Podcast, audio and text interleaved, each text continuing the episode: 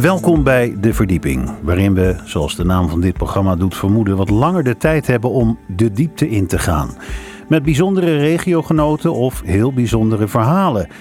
En deze keer hebben we weer zo'n bijzonder verhaal dat zich afspeelt in het Dordrecht van tijdens en vlak na de Tweede Wereldoorlog. Deze verdieping gaat over goed en fout en vooral over wat daar allemaal tussenin zit. Want het was natuurlijk allemaal niet zo helder in die periode, ook al geloven we dat maar al te graag.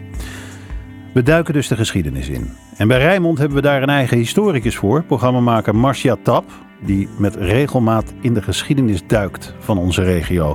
En deze keer in een Dorts oorlogverhaal. Een verhaal over foute politiemannen, intriges binnen het verzet en de gevoeligheid daarover die nog lang doorcijpelde in Dordrecht. Marcia, welkom. Dankjewel, Rut. We gaan een bizar verhaal horen. Ja, de Dordtse affaire heet het, uh, het verhaal. En dat is ook de titel van een boek uh, over deze gebeurtenissen. Dat boek is uh, kort geleden uitgekomen. Ja, ik heb het meegenomen voor je. Het, het is... een bijzonder lijvig boek, kan ik je vertellen. Een hele ja. dikke pil, ja. Geschreven door de schrijver-onderzoeker Frank van Riet. En hij heeft zes jaar onderzoek gedaan. Nou ja, dan begrijp je al als al die resultaten ook in dat boek moeten, dat je daar inderdaad een heleboel bladzijden voor, uh, voor nodig hebt. Ja. Uh, het boek is uh, vorige week gepresenteerd in de Wilhelmina-kerk in Dordrecht. Dat is ook een bijzondere plek, hè? Ja, die wordt wel de kerk van het verzet genoemd, van, Mhm. het, van het gereformeerde verzet. Ja. kwam daar samen in Dordrecht. En het was een heel druk bezochte presentatie met een aantal sprekers. Frank heeft daar zelf natuurlijk gesproken, maar ook een aantal andere mensen. Onder andere burgemeester Kolf van Dordrecht. die heeft het eerste boek ook overhandig gekregen, heeft daar ook gesproken. Ja. En ook uh, Frits Barend was aanwezig, heeft ook gesproken. Ja, Frits heeft uh, natuurlijk Joodse roots. Ja, Ja. zijn uh, achtergrond is inderdaad Joods. En hij is ook een van de meelezers geweest Mhm. met dit boek. Want je snapt, als je zo'n onderzoek doet over zo'n gevoelig onderwerp... Hè, van, Ja. van foute politiemensen... dat je ook wel wil dat er mensen meekijken. En hè, ook de Dordtse historicus Kees Weltevreden heeft bijvoorbeeld meegelezen. Nou, dat heeft Frits Barend ook gedaan. Mhm. En ja, hij heeft een gloedvol betoog gehouden daar uh, tijdens die presentatie. Dat kun je natuurlijk ook wel uh, aan hem overlaten. Ja, absoluut, ja. En uh, hij zei daar ook in, uh, ja, weet je, hij was het boek natuurlijk steeds aan het lezen. En elke keer na een hoofdstuk dacht hij, ja, het kan echt niet erger. En dan kreeg hij weer een volgend hoofdstuk. Mm -hmm. En dan bleek het toch weer erger uh, te kunnen. Ja. En, en hij gaf ook het voorbeeld, ik geloof dat hij het ook wel vaker heeft verteld hoor, Frits Barend, over zijn eigen familie, hè, zijn Joodse familie. Hij was zelf nog niet geboren, maar zijn vader, moeder en broertje wel. En op een gegeven moment kwamen bij hun aan de deur ook een, een, een Nederlandse politieman met een Duitse militair, Mhm. uh, om, om te kijken of er Joden in huis waren, hè, of Ja. ze die op konden halen. En um, ik begreep, zijn oma was niet Joods, dus die zei tegen die Nederlander: Ja, jij komt er niet in, want jij hebt gewoon, een, het zijn nu mijn woorden hoe ik Mhm, het vertel, hè. mhm. jij hebt een keus um, en jij, jij maakt die keus om dat te doen. Hij kan er niks aan doen, hij is een Duitser, hij moet wel. Dus die Duitse militair is naar binnen gegaan, deed de kastdeur open waarin zijn Joodse moeder um, verstopt zat, Ja. keek haar recht in de ogen, deed de deur weer dicht. Kwam in het kamertje waar zijn broertje lag te slapen, zag dat en deed de deur weer dicht. En ging weer naar beneden en zei: Keine Joden hier. Mhm. En die Nederlander zei: Ja, die moeten hier zijn. We hebben Ja. daar een tip over gehad. Er moeten hier Joden zijn. En die Duitser zei: Keine Joden hier. Het dat- geeft mij weer aan, want dit is, dit, dit is dus een Duitser eigenlijk die goed was. En de Nederlander die fout was. Ja, Ja. dat, hè, zo, het is natuurlijk niet allemaal zwart-wit. Nee, nee, dat, blijkt ook, eh, dat blijkt ook echt uit het verhaal eh, wat we het komend uur tot ons gaan nemen. Eh, nou ja, jij hebt het boek natuurlijk wel helemaal gelezen. Eh, de Dordtse affaire, zo heet het boek ook, over verraad, verzet en vervolging. Ja, je hebt uitgebreid met de schrijver gesproken. Ja, ik was ook bij die presentatie, maar daarvoor had ik al uh, met Frank van Rieten door Dordrecht gewandeld. Mhm. En op verschillende plekken hebben we stilgestaan ja, om eigenlijk daar een deel van het verhaal te vertellen wat zich op die plekken in Dordrecht uh, heeft afgespeeld. Ja, en elke keer hadden we weer een stukje gewandeld, kwamen we weer ergens en zei Frank, ja nee, hier is dit gebeurt. En weet je, er kwam er weer een, een, iets nieuws bij. Een, een, nieuwe naam, een nieuwe verhaallijn. Een beetje zo wat, wat Frits Barend had met lezen, had Ja. ik met wandelen door Dordrecht. Van, Ja. eh, Elke keer is er weer iets nieuws. Nou ja, dat, dat, is uh, best wel moeilijk om dat allemaal natuurlijk uit te leggen. Daarom is dat boek ook zo dik geworden. Maar we gaan het de komende uur wel, uh, wel duidelijk maken. En uh, ja, laten we maar even dan bij het begin beginnen natuurlijk. Mm -hmm. ik ontmoette Frank in Museum 4045. Dat zit aan de Nieuwe Haven in Dordrecht. Um, in dat uh, historische deel van het centrum. En um, ja, daar, daar, daar vroeg ik eigenlijk aan Frank hoe die nou uh, hierop was gekomen. Hij heeft namelijk eerder onderzoek gedaan naar politie in oorlogstijd, maar dat was naar de Rotterdamse politie. Ja. En tijdens dat onderzoek startte hij op dit Dordtse verhaal. Toen ik er me in ging verdiepen, kwam ik er steeds meer achter dat er uh, heel veel dingen uh, vergeten waren of die men wilde vergeten. En kwam ik er eigenlijk achter dat er een hele affaire achter zat. Wat is die affaire? Het heeft te maken met eigenlijk één politieman die uh, in het begin uh, 40 bij de politie kwam. En langzaamaan uh, steeds verder af uh, aan het glijden was. de Joden heeft opgehaald. En uiteindelijk door het verzet is omarmd. En daar gingen zoveel verhalen over de ronde. En eigenlijk niemand wist hoe het in elkaar zat. En dat heb jij nu onderzocht. En nu weet je het. Nou, je weet het niet, niet zeker altijd, want er is heel veel is er verdwenen. Maar ik denk dat ik wel een groot deel heb kunnen achterhalen. En wat is je belangrijkste conclusie uit dit onderzoek? Nou, dat ook aan het verzet heel veel kanten zaten. En dat merkte je ook dat, dat, dat door die politieman, die werd dan omarmd door de top van de Duitse illegaliteit. Maar er waren ook verzetstrijders die er helemaal niks mee te maken wilden hebben. En dat heeft een, een, een tweesplitsing in de in illegaliteit teweeggebracht dat zelfs tot ver na de bevrijding nog, uh, nog aanwezig was. En nu, we zijn vele jaren later, je hebt heel lang onderzoek gedaan. Um, merk je dat er nog steeds een beetje verringt hier in Dort? Nou, tussen de regels door merk je dat er echt nog wel wat, uh, wat in, de, in de overdracht is blijven hangen. Dat, dat er soms mensen zeggen, nou, uh, begin er maar niet aan, uh, doe, schrijf er maar niet over, want het ligt nog gevoelig. Er zijn nog nabestaanden die ook het verhaal nog niet kennen. Dus ik hoop ook voor die nabestaanden dat ze nu eindelijk eens een keer kunnen achterhalen wat er in hun familie gebeurd is. Hoe heb je dat onderzoek aangepakt? Dat was heel lastig. Ik heb diverse oproepen in de, in de regionale pers uh, gedaan, in de krant.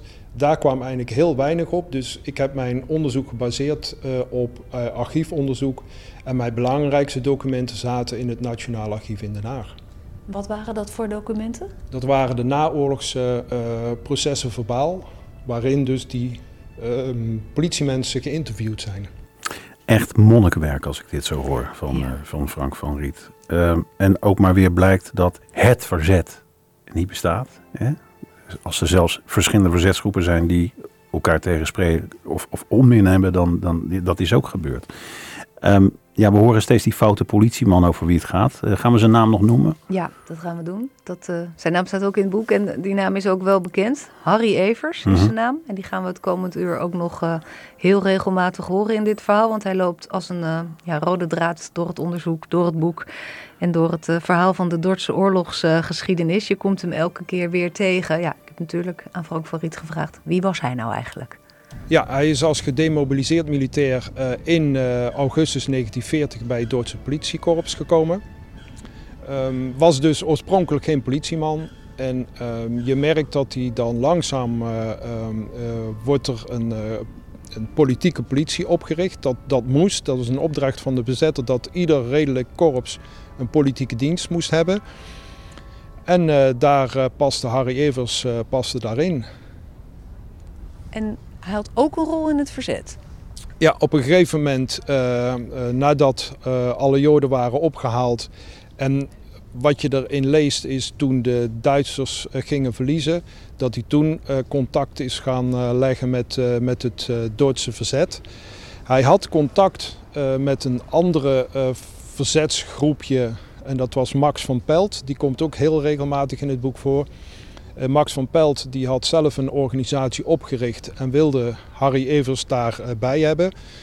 En wat uh, eigenlijk ook een, een strubbeling eigenlijk constant naar voren komt, is dat Evers zei dat hij in opdracht of op verzoek van die van Pelt um, bij de politieke politie is gegaan. En dat heeft Van Pelt altijd ontkend. Het zijn intriges, er is bijna geen touw meer aan vast te knopen.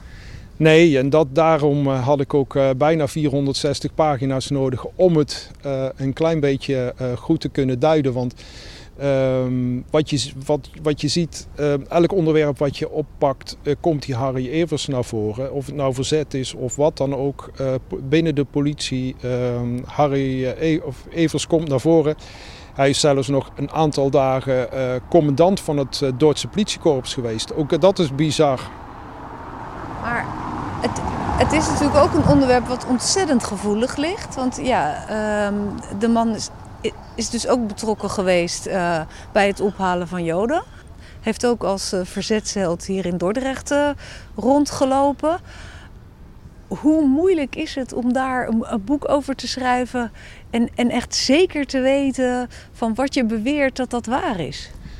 Nou, het voordeel is dat er nog heel veel uh, documentatie uh, vanuit de bijzondere rechtspleging bewaard is gebleven. Uh, dat waren hele dikke dossiers. En wat je, wat je ziet is dat er heel veel getuigen gehoord zijn. En aan de, los van die getuigen, die, ze, die, die los van elkaar gehoord zijn, eh, kun je daar een haal, verhaal omheen maken. En um, ja, of, of dit uh, ook uh, overal het daadwerkelijke verhaal is, ja, uh, dat zal de lezer uit moeten maken. Jij zegt niet, het is 100% waar zoals het uit de getuigenverslagen blijkt. Nee, het is niet 100% waar. want of Evers het verzet gechanteerd heeft na de bevrijding, dat, dat is nooit ergens opgeschreven. Um, wat, wat wel frappant is, is dat uh, Evers na de bevrijding um, is die direct gerehabiliteerd. Omdat hij toen als lid in, uh, in de binnenlandse strijdkrachten uh, werd opgenomen. Nou, daar is hij door gerehabiliteerd. toen is hij nog een keer ehm, aangenomen als hoofd van het Bureau Nationale Veiligheid in Dordrecht.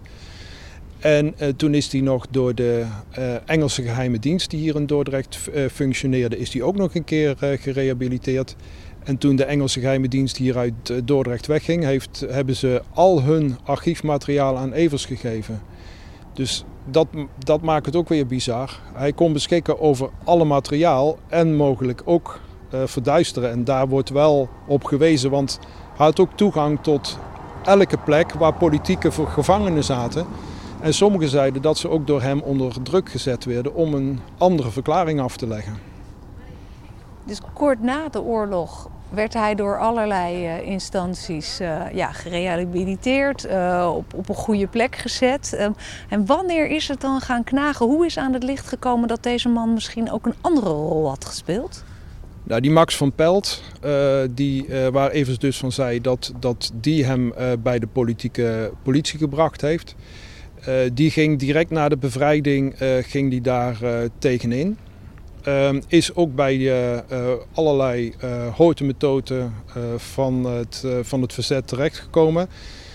Um, en heeft ehm, eigenlijk voor elkaar willen krijgen dat Evers werd opgepakt. hij is het land doorgegaan en op een gegeven moment heeft hij een pamflet heeft hij, geschreven waarin stond dat het niet kon dat een een, een jodenjager dus eh, de hand boven het hoofd gehouden eh, werd. Um, dat heeft hij in Dordrecht verspreid. Um, niet zelf, want toen was hij in het land om, uh, om zijn punt te maken. Uh, zijn vader heeft dat pamflet verspreid. En meteen is zijn vader opgepakt. Die is ook, ook door de toenmalige uh, mensen die uh, dus in de, in de, de politieke opsporingsdienst zaten, is die uh, mishandeld. En was dat nog in 45? Dat was allemaal net na de bevrijding. En toen Van Pijl terugkwam op zijn tocht door Nederland, is die opgepakt en is in een, een lange tijd vastgezet. Eerst tussen de zware oorlogsmisdadigers in Utrecht en later in Scheveningen. En ehm, hij denkt en, en dat, dat, lees je ook wel tussen de regels door. Dat dat moest gebeuren om uh, Evers uh, zijn werk te kunnen laten doen. En uh, het verzet zegt dat Van Pelt niet wilde meewerken en van plan was om, om, om, om Evers zwart te maken. dus eigenlijk wordt er dan gezegd De oorlogsmisdadiger die vast had moeten zitten, die liep vrij rond, terwijl een verzetstrijder die los had moeten lopen vast zat. Dat hij van Pelt verzetstrijder was, dat staat onomstotelijk vast. Die was wel een verzetstrijder, alleen ehm, hij had een, de, de zevende, 17e divisie had hij opgericht. En daar zegt men van, uh, daar was hij niet helemaal uh, ja, slim in. Um, ze hebben hem toen gevraagd om bij het, toen de verzetsgroepen werden samengevoegd tot de binnenlandse strijdkrachten, heeft hij ook niet mee willen doen. En toen hebben ze hem eigenlijk een beetje aan de kant gezet. En dat heeft misschien ook weer kwaad bloed gezet bij Van Pelt. En heeft hij zijn, zijn, zijn tocht om, om Evers ja, toch daar te krijgen waar hij wilde, heeft dat teweeggebracht. Elke stap in het verhaal levert weer een, weer een nieuwe zijstap en weer nieuwe vragen op. Ja, en dat, uh, dat was ook het frappante van het onderzoek. Dat je dacht, nu heb ik het. En dan ging je toch weer uh, ergens uh, naartoe. En dan vond je weer een document en dacht je, oh, het, het zit toch weer net iets anders. Ja, wat, wat de schrijver al zegt, hè, Frank van Riet van het boek De Dordtse Affaire, Marcia. Ehm, het, hoe, hoe, oneerlijk deze wereld in elkaar kan zitten. Hè? Dus de boef die loopt vrij rond en degene die de boef wil pakken, die, die zit in het gevangen en familie eh, of, of, of zijn omgeving wordt zelfs mishandeld. Ja, ik, ik kan me zo voor. Ik probeer me te verplaatsen in die van Pelt. Hoe frustrerend dat geweest moet zijn. Ja, ja. dat is natuurlijk. Uh heel bizar. Ja, ja. ja, maar goed, als we dit zo horen, hè, wat we ook eh, Frank eh, net horen zeggen, het is echt met recht een affaire. Ja, dat, dat, dat, hebben we, dat blijkt nu al uit, uh, uit, uit, alle dingen die je nu al hebt gehoord. Hè? Mm -hmm. dat, dat de titel De Dordtse Affaire, dat die wel, uh, ja. Wel klopt. En het blijft hier ook niet bij, want dit stukje wat je net hoorde heb ik uh, opgenomen aan de Nieuwe Haven, daar vlakbij, dat museum 4045. Mm -hmm. Daarnaast um, zit een, een pand, een prachtig pand, zo'n historisch pand, drie verdiepingen, heel groot. En daar zit een plaquette op met de naam Paul Kooijman. En die ja. was leider van het verzet in Dordrecht. Die is daar na de bevrijding komen wonen. Ja. Nou, die naam moet je nog even onthouden, want die komt zo meteen okay. ook weer terug. En ja. die Kooijman die was dus niet van dezelfde groep als, als deze Max van Pelt. Nee, dus Van Pelt was van het verzet, maar Paul Kooijman ook. Maar Paul Kooijman, die gaan we zo meteen, die, die komt ook nog, nog op onze kruising. Ja. Zeker, ja. Um, ja, nou ja, goed. Uh, Evers dus gerehabiliteerd, zelfs ook door de Engelsen. Uh, maar net uh, in de introductie van dit programma, toen we begonnen, toen noemden wij hem een foute politieman. Ja, en dat blijkt ook wel. Dat is ook echt wel, dat kunnen we met recht zeggen. En ja, Frank van Riet heeft dat natuurlijk nog eens extra onderzocht. Um, nee, ik, voorbeeld wil je, denk ik, zullen mm -hmm. naar een, een, een, andere plek in Dordrecht waar Frank daar een verhaal over tel, vertelt. We hebben weer een stukje gelopen door de binnenstad van Dordrecht. En we staan nu, ja, het is bijna een steegje te noemen. Het is niet echt een straat. De Tolburgstraat, zo heet hij wel. Tolburgstraat Landzijde. En um, ja, hier, Frank, weet jij ook weer een verhaal te vertellen dat te maken heeft met het Dordtse verzet, met die Harry Evers. Wat is in deze straat gebeurd waarvan je ook weer denkt, hoe kan het? Nou, in deze straat uh, zat het gebouw uh, het Centrum. Dat uh, was een verenigingsgebouw en daar repeteerde regelmatig de zangvereniging Ons Koor. En bij de Dordtse Landwacht, een organisatie, zelfbeschermingsorganisatie van de NSB, was op 12 maart tip binnengekomen dat bij die zangvereniging onderduikers zouden zitten of zouden meezingen. Nou, op een gegeven moment uh, is daar een, een, overval geweest. Van tevoren is de landwacht samen met de, de, de commissaris van Dordrecht uh, bij elkaar gekomen. En hebben ze bepaald dat uh, moet een overval plaatsvinden. Die heeft op maandagavond 17 april 1944 plaatsgevonden. die datum is wel van belang, om, omdat op die datum een topman van het Dordtse verzet wordt, wordt opgepakt. Naar aanleiding van die overval hier op die zangvereniging. Want tijdens die overval werden alle mannen aan de kant gezet en die werden ondervraagd. En van vier personen die kwamen eigenlijk als verdachten uit de bus. Er zat ook een 20-jarige jongen bij, Arie Peters. En in zijn persoonsbewijs vonden ze een zegeltje dat je als onderduiker niet kon hebben. Um, ze hebben met, met een vergrootglas het zegeltje bekeken. En um, Arie Peters was inderdaad een onderduiker. Die was een korte tijd in Duitsland geweest, maar dat beviel hem niet. Is naar Dordrecht teruggekeerd en is hier ondergedoken. En werd dus uh, van, uh, van bonkaarten en valse zegeltjes voorzien. Ja, en dat wilde men heel graag weten uh, wie die zegeltjes gaf. Dus hij is meegenomen naar het bureau. Zijn vader en moeder zijn ook opgehaald. Um, Evers was daar ook bij. Ze zijn aan de tand gevoeld en ja, die, die Peters die wist wel dat het iets met een B was. En nou, ze hebben heel veel in het werk gesteld om erachter te komen wie dat was. Uiteindelijk komen ze uit bij een zekere Bijnema. En dat was op dat moment de topman van het Dordts Verzet. Maar die naam heb ik eerder in jouw verhalen hier in Dordrecht nog niet gehoord. Nee, dat klopt. Eigenlijk uh, komt hij uh, later pas naar voren toe. Naar aanleiding van die overval hier op, dat, op die zangvereniging. Ehm, dat, dat ze Bijnema dus oppakken. En hoe is het hem vergaan na die arrestatie? Uh, Bijnema die is, die is opgepakt, die is in Vught terechtgekomen en is op een gegeven moment daar is die gefuseerd. En hoe verhoudt deze Bijnema zich tot mannen als Max van Pelt, als Kooiman, al die andere verzetsmensen uit Dordrecht die we al eerder hebben voorbij horen komen? Nou, het idee is wat je, wat je leest is dat die Bijnema, die, er is aangevraagd of dat die samen wilde werken met het, Kooiman en Van Loon. En zeker ook met Evers, want ze hebben geprobeerd om, uh, om Evers zo binnen te krijgen. Nou, um, Bijnema die heeft kort voor zijn arrestatie nog gesprekken gehad met andere verzetsleden. En die zei, ik vertrouw Evers niet en ik wil niks met hem te maken hebben. Nou, je merkt dat hij dus dan opgepakt wordt en direct eigenlijk daarna wordt, neemt Kooiman neemt, de toppositie over. En Van Loon wordt zijn rechterhand. En ja, de luisteraar ziet het niet, maar ik zie jouw gezicht hierbij. Ik heb het idee dat jij vermoedt dat Harry Evers daar een rol in heeft gespeeld. Of zit ik er helemaal naast? Ik uh, vermoed het wel, want hij was hier ook bij de arrestatie uh, in de, bij de zangvereniging. Hij was ook bij de verhoren, hij was ook bij de arrestatie. Dus je ziet hem constant, zie je hem overal bij terugkomen.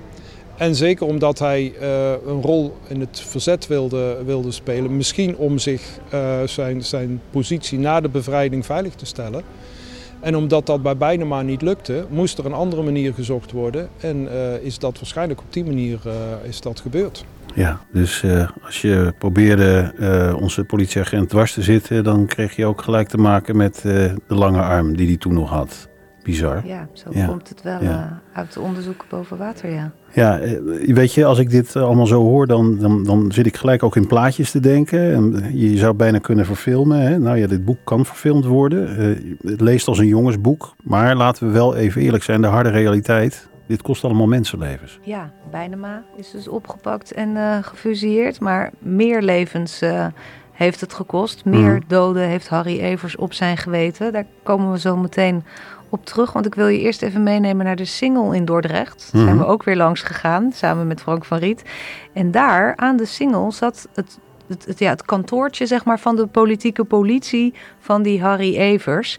Daar hebben ze uh, ja, een, een pand ingepikt van een Joods gezin dat weggevoerd is. Ja, dat heb je waarschijnlijk wel vaker gehoord. Zo ging dat mensen werden uh, moesten zich melden of werden opgepakt. En, dat pand, werd, dan gewoon ja, misschien nog wel gemeubileerd en al uh, gewoon in beslag genomen. Maar twee huizen verderop, daar woonde die Bijnema. Dus die zaten heel dicht uh, bij elkaar. En, um, maar die Bijnema, ja? Ja, die, dat was eigenlijk de vijand van, van, van onze foute politieagent. Ja, want Bijnema was op dat moment wel de topman van het verzet in Dordrecht, maar was ook bij landelijke organisaties betrokken. Maar, ja, maar twee huisnummers verderop, bij wijze van spreken. Echt waar, ik heb er gestaan, er zat geen 20 meter uh, zat ertussen. En, en, en ja, Evers was daar natuurlijk ook bij, mhm. bij dat onderzoek in de woning van Bijnema, die nacht nadat ze bij die zangvereniging waren binnengevallen. Op 18 april 1944 wordt er dus bij uh, Bijnema aangeklopt om uh, s'nachts om half drie. En wordt de inval bij Bijnema ge, uh, gedaan. Ehm, eerst gaan ze zoeken, mogelijk in de kruipruimte. En tot drie keer toe vinden ze niks. En dan gaan ze toch nog een keer kijken. En dan vinden ze in de, in de kelder, in de kruipruimte, vinden ze heel veel materiaal en heel veel geld. De vraag is van ja, waarom dat geld daar uh, opgeborgen lag. Normaal gesproken lag dat ergens anders. En uh, hoe, hoe kan het dan dat er ook zoveel bezwarend materiaal lag? Evers verklaart nog wel dat ze heel veel materiaal meegenomen hebben naar hun bureau. En dat die het daar later met een van zijn verzetscontacten uitgezocht hebben. En dat ze daardoor mensen gered hebben. Ja, voor wat het waard is, niemand kan dat bevestigen omdat er daarna toch nog, uh, ook na die inval uh, bij Bijnema, toch nog mensen opgepakt zijn. En um, dat materiaal wat gevonden is, na eerst een paar keer niet in die kruipruimte, opeens heel veel papieren en geld. Ja, ik denk dan, hoe kan dat nou? Nou ja, dat, dat denk ik hetzelfde. Uh, ook uh, die inval bij die zangvereniging. Het hangt allemaal aan toevalligheden aan elkaar. En waarom ga je dan toch nog voor een derde of vierde keer zoeken? Uh, uh, mogelijk uh, dat je van tevoren al weet dat er iets moet liggen. Want na twee keer denk je misschien, uh, dat ligt hier niet, we gaan niet verder zoeken. Maar misschien hadden ze toch informatie dat er wel wat lag om bijna maar zoveel mogelijk in een kwaad daglicht te stellen bij de Duitse bezetter. En van wie zou die informatie dan gekomen moeten zijn? Ja, voor die zangvereniging werd gezegd dat de landwacht een, een anonieme tip had binnengekregen. En dat merk je wel, uh, dat uh, de politieke politie vaak hun arrestanten op een presenteerblaadje kregen uh, aangeleverd. Heel veel werden er briefjes in de brievenbus gedaan hier op de Singel. En dan konden ze daarmee aan de slag. Evers zegt, juist daardoor heb ik heel veel mensen kunnen, kunnen redden, want ik waarschuwde heel veel. Uh, samen met een andere verzetsman hebben ze ook uh, na de bevrijding een lijst uh, opgesteld met de mensen die ze dus gewaarschuwd hebben. Maar in heel veel gevallen prik je daardoor ook doorheen dat, dat de mensen zeggen van ja, maar ik heb nooit een waarschuwing gehad, want ik ben toch opgepakt. Ja, voor wat, voor wat het waard is. En die, die, die spullen van Bijnema, is, is hij verraden? Uh, bijna maar is verraden, dat, dat denk ik wel zeker. Want die, die anonieme tip in, uh, in de zangvereniging, volgens mij is die vooropgezet. Uh, dat men dacht van nou we moeten iets hebben om bijna maar te pakken. En hebben ze dat, dat, die inval en dat valse zegeltje hebben ze mogelijk in scène gezet. helemaal zeker is het niet. Maar als je het hele verhaal leest, dan kom je daar denk ik tussen de regels wel achter. Als je het boek leest, dan uh, kun je je eigen conclusies uh, daaruit trekken. Maar wie heeft hem dan verraden? Dat weet men niet. Uh, misschien is het vanuit het verzet zelf gekomen met dat men dacht van we moeten bijna maar aan de kant zetten. Ik denk niet met de gedachte dat hij dan in Vught zou worden doodgeschoten. Maar als bijna maar gevangen zou, genomen zou worden, dan was de weg open om anderen op die, op die top van het verzet te zetten. Maar Bijnema heeft dat dus wel met zijn leven moeten bekopen. Ja, klopt. Die is in Vught uh, is die, uh, doodgeschoten door de Duitsers. Ja, ik, ik word er altijd stil van, dat soort verhalen. Als je dat dan weet wat er allemaal is gebeurd. En zeker als wij dan nu op die plek staan waar, waar bijna tastbaar is dat je weet... daar ging die ene man naar binnen, die foute man die daar voor de politieke politie zijn werk deed. En de, uh, 10, 15 meter verderop was het woonhuis van de man in het verzet... die dat met zijn leven nogmaals heeft moeten bekopen. Ja, dan kijk je toch anders naar zo'n straat. Heb jij dat ook? Ja, zeker. En, en als je weet dat er in deze straat nog veel meer gebeurd is, ook aanslagen op foute Duitsers die uh, mislukt zijn, waar Evers eerst de verkenning uh, uh, gedaan heeft, dan denk je van hoe zit dat allemaal zo dicht bij elkaar? En, en dat, dat merk je dan als je met het verhaal begint. Het zit allemaal dicht bij elkaar.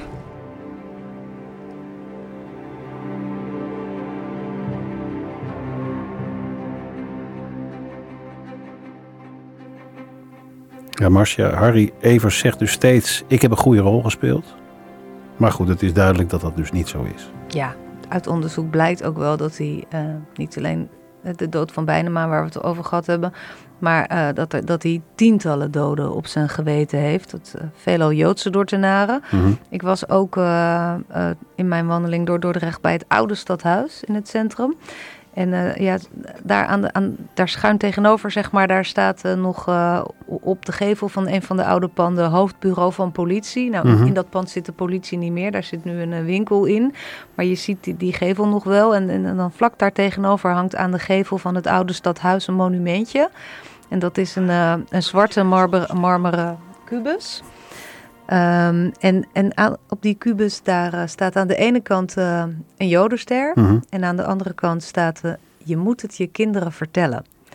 Ja, dat klinkt heel simpel, maar dat is best wel heftig. Dat toch? is heel ja, eenvoudig, ja, ja. maar heel indringend. Weet je niet? Ja, ja. Die tekst, je moet het je kinderen vertellen. Nou, op die plek, met dat stadhuis en het politiebureau wat daar toen zat... ja, dat komt uiteraard ook terug in het boek. Maar zeker ook het Joods monumentje uh, speelt daar uh, wel een hoofdrol in, denk ik ook. Omdat um, Evers verantwoordelijk was voor 250 arrestaties. En uh, van die 250 arrestanten zijn er zeker 77 niet meer teruggekomen. En arrestaties, dat zijn Joden die opgepakt zijn? Nee, 250 arrestaties ook van, van niet-Joden. Maar wel eens uh, duidelijk uh, heb ik uh, kunnen, kunnen tellen dat er van die 250, 77 niet teruggekomen zijn. onder wie 67 Joden. En je zegt het ook heel stellig. Dus dit is, er zijn heel veel van die zaken toch een beetje met raadselen omringd. Maar dit verhaal van die arrestaties, dat durf je, daar durf je je hand voor in het vuur te steken. Ja, want uh, in de verklaringen uh, verklaart Evers er ook zelf over dat hij die mensen heeft opgepakt en hoe het in het werk is gegaan. En ook uh, getuigen die nog na konden vertellen, die geven aan hoe het gebeurd is. Dus je kan dan wel aangeven van nou Evers was erbij, heeft bij sommigen ook zeker nog een grotere rol vervuld, maar hij was erbij. En wat zegt hij daar zelf over in die verklaringen? Nou ja, dat is, uh, dat is een, een, een, verklaring wat je zegt van ja, op een gegeven moment wilde ik het niet meer. Maar uh, als ik het niet deed, de standaardverklaring, dan kwam er iemand anders. En die, die ging misschien nog ernstiger tekeer. En uiteindelijk is hij later voor de rechter gekomen. De rechter heeft wel bepaald dat hij toch wel antisemitische trekken had. Want in Dordrecht werd hij kort na de bevrijding op allerlei manieren gerehabiliteerd, zoals je net vertelde. Uiteindelijk is hij dus wel veroordeeld. Ja, door al het gedoe uh, wat er uh, na de bevrijding ontstaan is, uh, heeft men toch besloten om een onderzoek in te stellen. Nou, dat heeft een hele lange tijd geduurd en uiteindelijk is hij veroordeeld voor een korte straf. En omdat hij die straf in voorarrest heeft gezeten, werd hij in feite daarna meteen vrijgelaten. Bleef je toen in Dordrecht? Nee, hij is uh, niet meer in Dordrecht uh, teruggekomen. Um, wat er daarna gebeurd is, is, is, is heel moeilijk te reconstrueren, omdat dat je hem dan nergens meer tegenkomt. Maar via een fami familielid heb ik begrepen dat hij in de motorhandel is uh, gegaan en bij wat bedrijven gewerkt heeft. Hij leeft niet meer ondertussen? Nee, hij is overleden. En, en, en die familieleden die je hebt gesproken, hoe, hoe kijken zij naar dit verhaal? Want je hebt hen denk ik ook verteld over je onderzoek. Ja, ik heb uh, helaas maar één familielid kunnen, kunnen spreken. Ik heb uh, uh, gezocht naar directe familieleden die ook nog in leven zijn, maar die wilden er helemaal niks meer mee te maken hebben. Nee, dat hoor je vaker natuurlijk, ja. Ruud. Na de, na de oorlog uh, moeilijk voor, voor, voor kinderen van mensen die, die, die fout zijn geweest. Het is ook heel confronterend natuurlijk. Ja, tuurlijk. Ja. ja. En, dus je moet zeggen is dat het je... ook helemaal niet bekend, wordt nee. dat ook pas veel later bekend. Ja, maar je ja. hebt natuurlijk ook de verhalen van kinderen die helemaal niet snapten waarom zij op school niet met andere kinderen nee, mochten nee, spelen of bij andere kinderen thuis uh, mochten komen. Ja. Die veroordeling overigens, waar Frank van Riet over spreekt, hij zei, hij heeft een korte celstraf gekregen. Nou, inderdaad, een relatief korte celstraf inderdaad. Je had dat bureau bijzondere rechtpleging mm -hmm. na de Tweede Wereldoorlog, waar natuurlijk heel veel NSB'ers en uh, ja, er moest een rekening vereffend ja, worden er natuurlijk. zijn natuurlijk ja. mensen ook ter dood veroordeeld Mhm. en uh, mensen tot lange gevangenisstraffen. Ook vaak werd het kiesrecht uh, op, op dat moment afgenomen Mhm. bij mensen. Dat was ook in eerste aanleg de, de, de straf van, van Harry Evers. Hij heeft eerst acht jaar cel gekregen. In 1948 was die uitspraak. Eh, hij is in hoger beroep gegaan en in Mhm. 1950 kwam daar de uitspraak in. En toen kreeg hij drieënhalf jaar cel. Ja. En dat was gelijk aan zijn voorarrest. Dus toen kwam hij dus uh, meteen vrij. Nou Ja. ja, hij niet meer in Dordrecht terug geweest. Nee. Je hoorde Frank zeggen, hij is overleden. Hij is in 1991 in Veldhoven overleden. Ja. Het bijzondere verhaal van Harry Evers. Uh, ja, aan de hand van uh, zes jaar onderzoek. ja, als je het zo snel zegt, maar het is echt bizar. Van schrijver Frank van Riet, auteur van het boek De Dordtse Affaire. Um, uit onderzoek blijkt dat een aantal zaken toch anders zijn dan lang is verteld in Dordrecht. Ja, natuurlijk heel veel verhalen. Ja. En de, ook bijvoorbeeld een heel bekend verhaal uh, heb ik nog wel uh, voor je. Um, een bekende gebeurtenis uit de Tweede Wereldoorlog in Dordrecht is het bombardement op Park Merwestein. Mhm. Um, dat is een bombardement dat is uitgevoerd door de Engelsen. Ja. Uh, ja, op, na, na, na, overleg met het, met het Dordtse verzet. En bij dat bombardement zijn ook heel veel burgerdoden in Dordrecht. Ja. Ook veel kinderen zijn Ja, daarbij ja. bij omgekomen. Door friendly fire eigenlijk. Ja, Ja. ja. Je gaat me toch niet vertellen dat ook hier een rol is weggelegd voor Harry Evers? ook hier uh, uh, komt zijn naam weer uh, in voor. Want Park Marwestein is natuurlijk niet zomaar een doel uh, Mhm. wat door de Engelsen gebombardeerd is. Daar zaten de Duitsers. Mhm. Um, en op die plek, daar kwam ook heel vaak uh, Harry Evers. Die, die, die had daar toegang toe. Die kwam daar bij die Duitsers in Park Merwestein. In uh, Park Merwestein uh, zat het uh, 15e Duitse leger in bunkers. En vanaf daar werd de slag om de Schelde aangevoerd. En dat was door het Duitse verzet, was dat doorgegeven aan de Engelsen. Die hebben dat gebombardeerd. En eigenlijk direct na dat bombardement uh, gaf het verzet aan dat het een uh, succesvol uh, bombardement was ge geworden. Want er waren 200 Duitse militairen omgekomen, 50 officieren en twee generaals.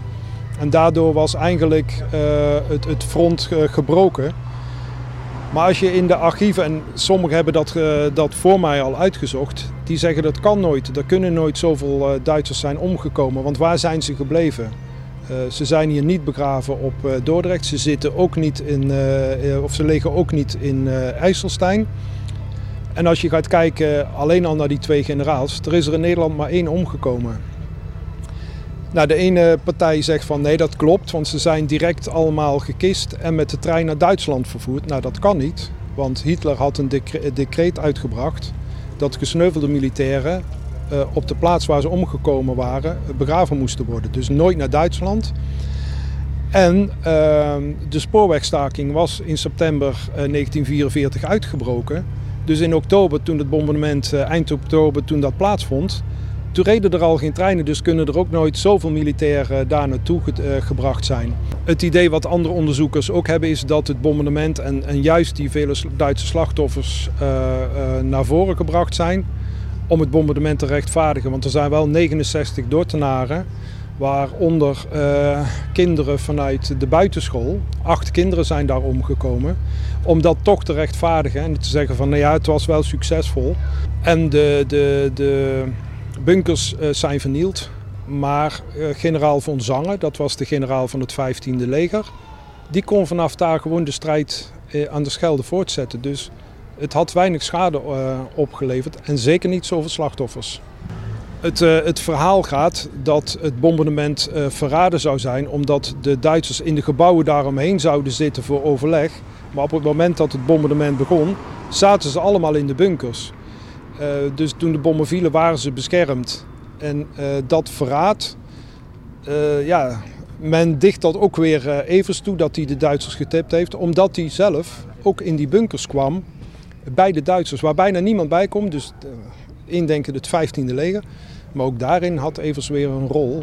Ook weer vanuit het verzet, zegt hij, om acties voor te bereiden, om te weten wat daar in die bunker speelde. Dat hij daar als spion daar kwam om het verzet te informeren. Ook weer zo'n verhaal. Ja, het, het, het, staat er helemaal vol van. Nou ja, jij weet er alles van, want je hebt er zes jaar onderzoek naar gedaan, Frank. Nu is het boek er, de Dordtse affaire. Geeft dat je ook iets van, uh, ja, van rust? Van ja, nu is het er, ik laat hem los? Nou, het geeft wel rust dat het boek er is. Maar er zijn nog genoeg onderzoeken om, uh, om te, te doen. Dus ik ga gewoon weer verder met het volgende onderzoek. En dat is weer een onderzoek dat te maken heeft met politie, met oorlog?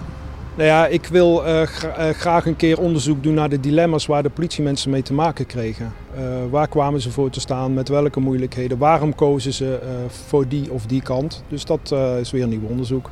Ja, hij gaat gewoon maar door, onze, onze, onze Frank. Ja, eh, hij is echt een, een, oeronderzoeker. Ja, want ja. jij hebt nu het boek Het Dordtse Affaire Ja, in je in handen. mijn Dat handen. eh, enorme dikke boek. Echt een eh, kloek boek, ja. Zijn vorige onderzoeken heeft net zo'n dik boek opgeleverd. Dat Ja. heet eh, Handhaven in de Nieuwe Orde. Dat Ja. is het onderzoek dus naar de Rotterdamse politie. Ja. Waar eigenlijk het verhaal mee begonnen is. Hij vond toen dat linkje naar dit verhaal. Nou, toen hij dat onderzoek, waar hij overigens op gepromoveerd is. Dus je begrijpt, dat is ook een enorme eh, eh, eh, eh, langdurig onderzoek geweest. Eh, ja, toen had hij dat afgerond en is hij met dit verhaal verder geweest. Ja, dus de man eh, stopt niet. Nee, Maar hij zegt wel iets interessants, hè? Want eh, hij wil onderzoek doen naar eh, in wat voor situatie politieagenten terecht zijn gekomen. Hè? Want, eh, nou ja, je, je bent politieagent in Nederland. Dan komt de bezetter en dan ga je in één keer onderdeel uitmaken van eh, de macht van de bezetter.